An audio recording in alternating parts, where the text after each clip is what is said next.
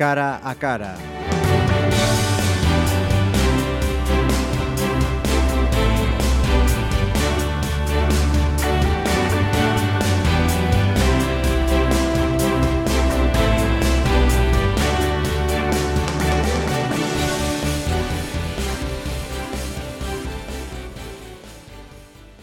Si pudierais ver a la invitada que se sienta hoy en este cara a cara, la reconoceríais al instante, probablemente también lo hagáis en cuanto la escuchéis hablar.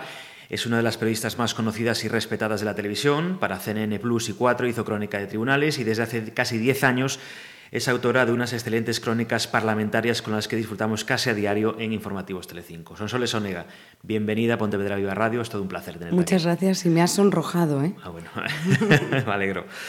En esta ocasión, su visita a Pontevedra tiene que ver con su otra faceta, la de escritora. Ha venido a presentar Después del Amor, su quinta novela, editada por Planeta y que ha ganado recientemente el premio Fernando Lara. Sonsoles, la primera pregunta que te, que te quería hacer era casi más una curiosidad, ¿no? Es decir, sabiendo el ritmo frenético en el que vivimos siempre los periodistas, ¿de dónde sacas el tiempo para poder escribir novelas como esta? Bueno, pues primero que tardo bastante en escribir los libros, en este llevo trabajando tres años y segundo, parcelando mucho. El tiempo que, que dedicas al Congreso de los Diputados es tiempo para los diputados, mejor dicho, para Informativos Telecinco. El tiempo que estás delante del ordenador es tiempo para la, la, literatura y también el tiempo que dedicas a los niños, a tus hijos, es tiempo para los hijos. Es decir, parcelando y siendo muy consciente de que el poco tiempo que tienes lo tienes que, que exprimir, ¿no? porque si no, no hay otra manera. Hombre, sería ridículo obviar que implica muchas renuncias, sí. Es tiempo que robas a los otros, también. Pero bueno, tampoco puedo luchar demasiado contra esta otra vocación que es escribir, ¿no? Que poco a poco va, va calando, ¿no? Es decir, empiezas a lo mejor un poco como hobby y ahora ya... Sí, no, sin duda. Es verdad que yo siempre he escrito, incluso en el, en el colegio, estas cosas que hacías de, de cuentecitos o relatos, y, eh, pero claro, nunca mm, dedicándole tanto tiempo como ahora, o sintiendo la obligación de tener que terminar un libro como me ha ocurrido con este, ¿no? De embarcarte en una aventura literaria tan apasionante, tan compleja también, y al final pues te lo tienes que tomar con, con cierta profesionalidad, aunque sea aunque no vivas de ello, ¿no? que es lo que suele ocurrir con la literatura. Uh -huh. Con Después del amor trasladas al lector a Barcelona de 1933 para introducirles de lleno en la historia de amor entre Federico Escofet, un capitán de ejército, y Carmen Trilla, una mujer atrapada en un matrimonio infeliz. Una historia real que te llega, creo, a través de sus hijas, ¿no? de las sí. hijas de Carmen. ¿no? Son las hijas de Carmen las que hace tres años eh, contactan con, conmigo a través de un familiar eh, porque quieren contar la historia de su madre o lo que recordaban de ella, uh -huh. porque tampoco te sabían o conocían todos los capítulos de, de la historia de su madre. ¿no?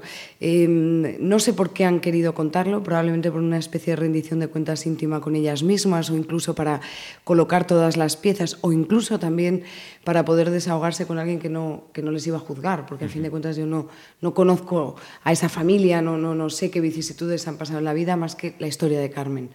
Y a mí aquella historia me fascinó desde el primer momento, desde que la escuché. Me parecía, me parecía increíble. Llegué en algunos momentos a pensar si las propias señoras Tomía y Cuyaya en esta novela podían estar ya novelándola ¿no? mientras me la contaban y no. O sea, es de estas historias que ves en una peli o que incluso las lees en un libro pero, y, y no piensas que han podido ocurrir en realidad. ¿no? La realidad supera la ficción, como bien se dice.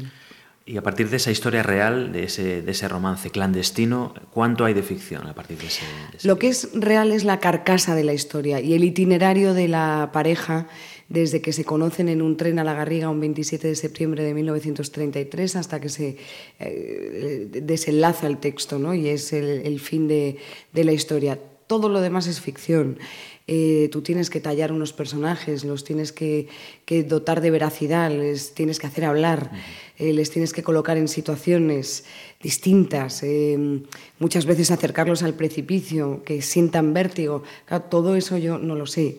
Eh, todo eso lo tienes que fabular, sin duda, ¿no? Y ahí es donde entra eh, pues el escritor a intentar dar lo mejor de sí y para que los personajes sean verosímiles y sean atractivos y sobre todo conecten con el lector, que es al final el, juez último de todo esto. ¿no?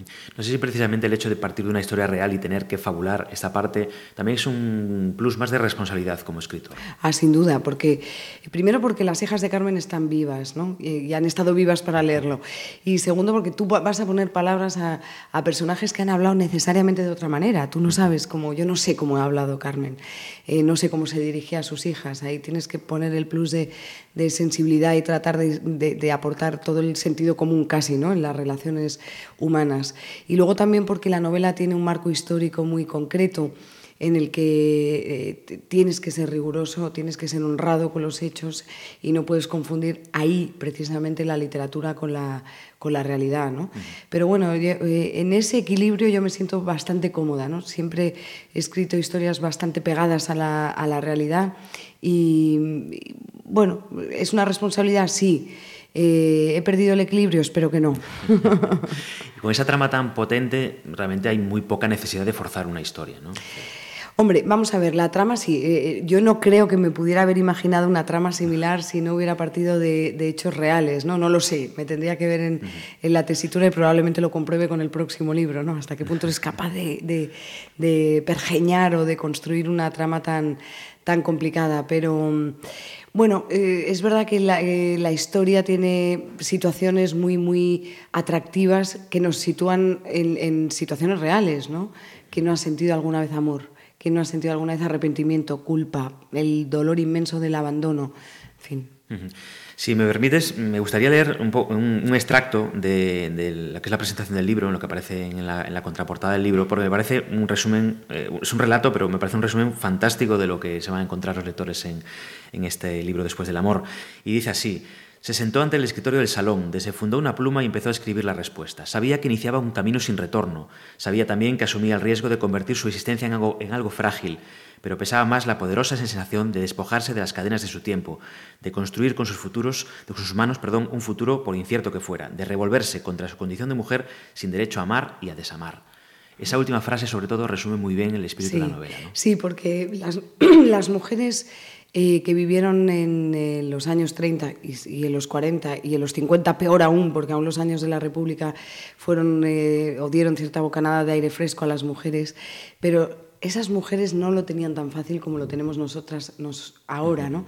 Cuando yo escuchaba a estas mujeres, a las hijas de Carmen, contarme la historia, yo decía, vaya, si vuestra madre hubiera vivido en pleno siglo XXI, pues probablemente no hubiera tenido que sacrificar tanto. ¿no? Pero las mujeres de entonces, a las mujeres entonces se las condenaba por desamar, sobre todo por desamar, por amar bueno, pues para eso estaban programadas, ¿no? Para construir un matrimonio, unos hijos, para lucir bellas en los salones donde se daba cita a la sociedad y la alta burguesía. Pero cuando las cosas iban mal, las cosas iban mal para las mujeres, ¿no? Aparte de una época políticamente y socialmente un poco convulsa, ¿no? porque en la novela se ambienta en esa época en la que se había aprobado recientemente la ley de divorcio, la República consiguió que se aprobara, el derecho a votar a las mujeres, también había un poco de, convulsión social. ¿no? Sí, sí, no, y también de de conquista de derechos y de libertades. ¿no? En ese sentido, las mujeres de la época de Carmen pudieron divorciarse, Carmen lo hizo. Pudieron ir a votar, Carmen lo hizo, acompañando y acompañada por todas las mujeres de su casa, incluidas sus hijas. ¿no? Claro, esto nos parece hoy en día que viene de serie cuando, cuando nacemos. ¿no? El kit de libertades y derechos está ahí. Pero estas mujeres no lo tuvieron y eso también hacía un contexto muy interesante para poder simplemente colocar el retrovisor y ver de dónde venimos. Yo aún tengo una abuela que lo puede contar, o sea que es que tampoco ha pasado tanto, tanto tiempo. Sí, es del siglo pasado, pero hay mujeres y hombres eh, que pueden contarlo, cómo vivían en una atmósfera tosigante, en una atmósfera complicada, en una atmósfera de idas y venidas. En fin, todo eso es el marco de esta novela y un momento histórico que a mí me parece muy interesante. Y también, eh, como decíamos, un ambiente político con Primo de Rivera, la guerra civil, el exilio, eh, que aunque no es el protagonista del libro, sí enmarca un poco todo el, ambiente. ¿no? Sí, ese marco histórico, o de ese marco histórico yo no me podía abstraer, porque es el marco en el que vivieron y, los escenarios por los que transitaron los personajes, de tal forma que no, no, no, no te puedes abstraer de esa, de esa realidad. La guerra civil sobrevuela la novela, sí, eh, pero no es una novela sobre la guerra civil. Lo, que pasa es que nuestro protagonista, el amante de Carmen, eh, estuvo combatiendo en uno de los lados, de los bandos, en el bando republicano, y eso configuró también y moldeó el amor y la historia de amor. ¿Cómo hubiera sido si este hombre no hubiera sido un hombre público? No lo sé, pero el caso es que lo fue. Y cada participación de él en hechos históricos, en momentos históricos importantes, hizo que el amor fuera de una manera y no de otra. Carmen se descubrió valiente cuando, cuando se plantó, por ejemplo, ante el general Batet por recrear uno de los momentos y pidió un salvoconducto para acudir al, al castillo de Montjuic a ver a Federico Escofet por última vez porque había sido condenado a muerte en un juicio sumarísimo. ¿no? Claro, eh, ¿esta mujer estaba programada para eso o no? ¿Sabía de política? No tenía ni idea. Era algo que le resbalaba porque ella no pertenecía a esa, a, esa casta, ¿no? a, esa, a esa gente mm, con, con, cargo público. Ella era una mujer sin más que se vio en esa tesitura, pero fue la historia con mayúsculas la que, la, que la colocó en, eh, frente a esas situaciones tan vertiginosas y tan trepidantes, ¿no? Ella jamás hubiera hecho eso, ¿no? Aparte, eh, imagino también en esa conversación con las hijas de Carmen, también, no sé si ya te trasladan también a lo mejor una sensación de haberse visto atrapadas también un poco por la vorágine de toda esa historia, ¿no? Sí, lo que pasa es que eh, es muy curioso cómo estas mujeres han, eh, aman profundamente a su madre pese a todo lo que hizo. Yo muchas veces también me he puesto en su piel y he tratado de, entender cómo unos hijos pueden entender a una madre y cómo pueden gestionar la ausencia de una madre. ¿no? Y al final solo encuentro una respuesta. Ellas conocieron a Federico Escofer y, vivieron el amor de su madre en el tiempo que estuvo en Barcelona. Y necesariamente tuvieron que descubrir que Carmen se sintió querida en los brazos de aquel hombre. Y eso lo justifica todo. Eh, no solo en la vida de entonces, sino hoy en día. Sentirnos queridos yo creo que es una sensación tan potente que te levanta por la mañana, sencillamente, ¿no? Y eso mueve todo y eso probablemente justifique todo, aunque las facturas del amor a veces las pagan otros, ¿no? Y bueno, aparte de todo eso, también eh, no, no, nos podemos extraer también de que la novela está ambientada en Cataluña, que también en ese momento había una, un movimiento político, no sé si similar al de ahora, ¿no? pero... Bueno, En, las aspiraciones territoriales, eh, similar al de ahora, sí. Eh, Cataluña siempre ha tenido esas aspiraciones territoriales, pero hubo un momento de nuestra historia que se encauzaron. Hablo de 1931, cuando Cataluña lanza el primer pulso territorial al gobierno provisional de la República y la República supo encauzar esas ansias de, reconocimiento ¿no? a través del primer estatuto de Nuria. Después Cataluña se divorcia de España en el año 1934, después vino la, guerra, después vino el franquismo, la dictadura y después España y Cataluña se volvieron a reconciliar y, y venimos ahora conviviendo durante 40 años. ¿no? Es decir, que la, historia de amor entre España y Cataluña se parece mucho a la historia de nuestros protagonistas de Después del Amor. ¿no? Idas y venidas, desafectos y afectos, acumulación de desencantos, pero yo me quedo con, quizá tirando de ingenuidad, con que es posible que se, que se reencuentren, ¿no? que hay oportunidades para la política, para el diálogo y probablemente también para la cesión por, uno, por unos y por otros. ¿no? Y con todo este ambiente, con todos estos datos, imagino que documentarse para una novela como esta, más allá de la historia protagonista, digamos, es un trabajo muy arduo, ¿no? Sí, yo siempre digo y me he dado cuenta con este libro que para escribir un párrafo tienes que haber leído 100 folios. Eh, la labor ha sido difícil, bueno, difícil no sería la palabra, porque a mí me ha gustado mucho bucear en estos capítulos de la historia y sobre todo zambullirme en las hemerotecas de los periódicos donde está probablemente lo más humano de la historia. ¿no? Los cronistas de aquellos años hicieron un periodismo espléndido, no había televisión, de tal forma que en cada artículo, en cada crónica, están contenidas todas las emociones, los detalles más pequeños que a mí me han servido para, para dar textura a la novela. ¿no?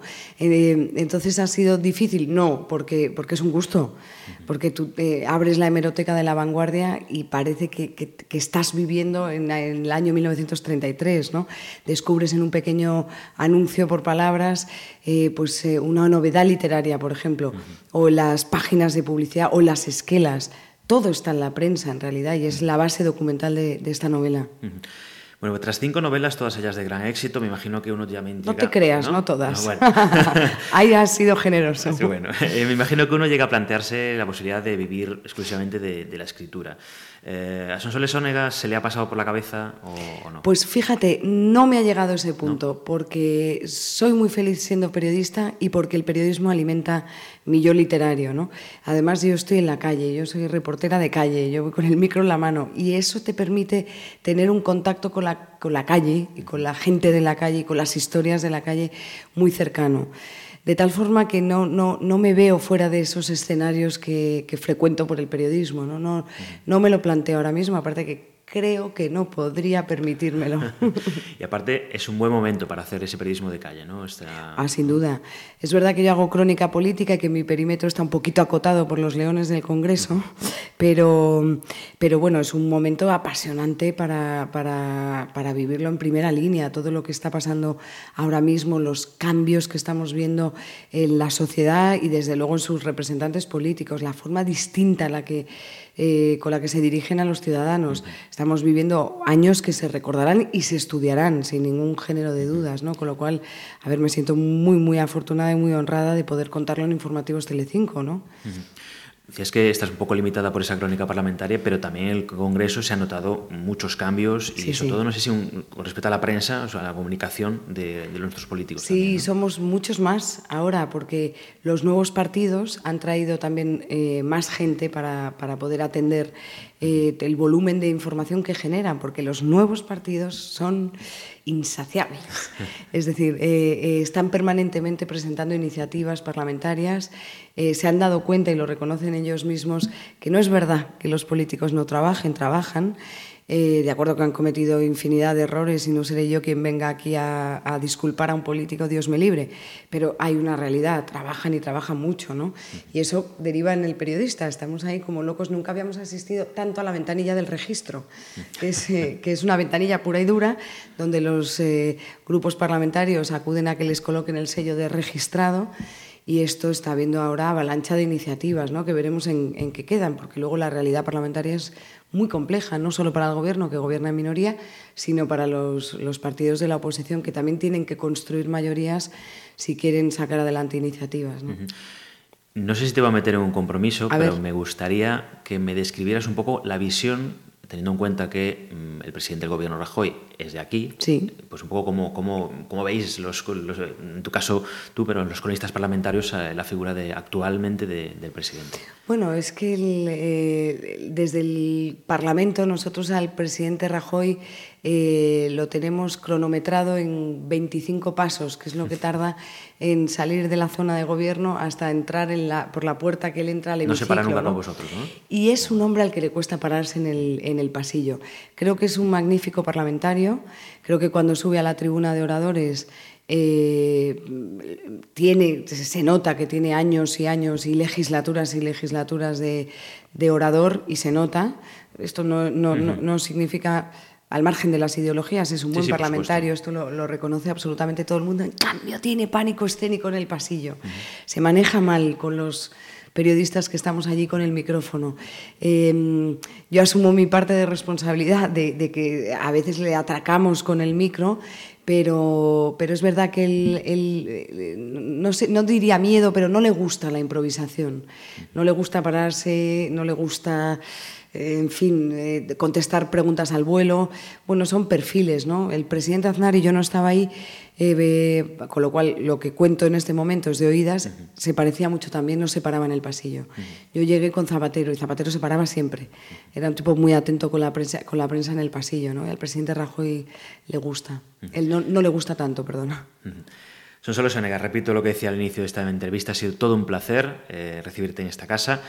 Y desde luego recomendamos que en cuanto nuestros oyentes tengan ocasión acudan a la librería y compren un ejemplar del libro. Me, encantará, me encantará que lo hagan. Además, aquí, estando en Pontevedra, me han dado la noticia de que está en marcha la segunda edición. Fantástico. Así que voy a aprovechar vuestras ondas para dar las gracias a todos los lectores. Siempre digo que sin lectores no hay literatura directamente, con lo cual nos debemos a ellos y a los huecos que nos hacéis los medios de comunicación para llegar a los lectores. Bueno, pues ya aprovecha ya que le dirías directamente al público de aquí de Pontevedra para, para, que, para que compren este Le pediría que me acompañara en esta aventura literaria. Eh, le pediría también que se asomara a estas páginas, que me aportara su mirada y que si pueden se coloquen en el papel de Carmen, a ver si pueden hacerse las mismas preguntas que se hizo ella ante situaciones muy, muy difíciles por las que ya pasó. Pues si se dejan seducir por este libro, les aseguro que lo van a disfrutar tanto como lo hemos disfrutado nosotros leyéndolo. Soles, muchas gracias. Gracias. La próxima semana volvemos en nuestro cara a cara aquí en Pontevedra Viva Radio.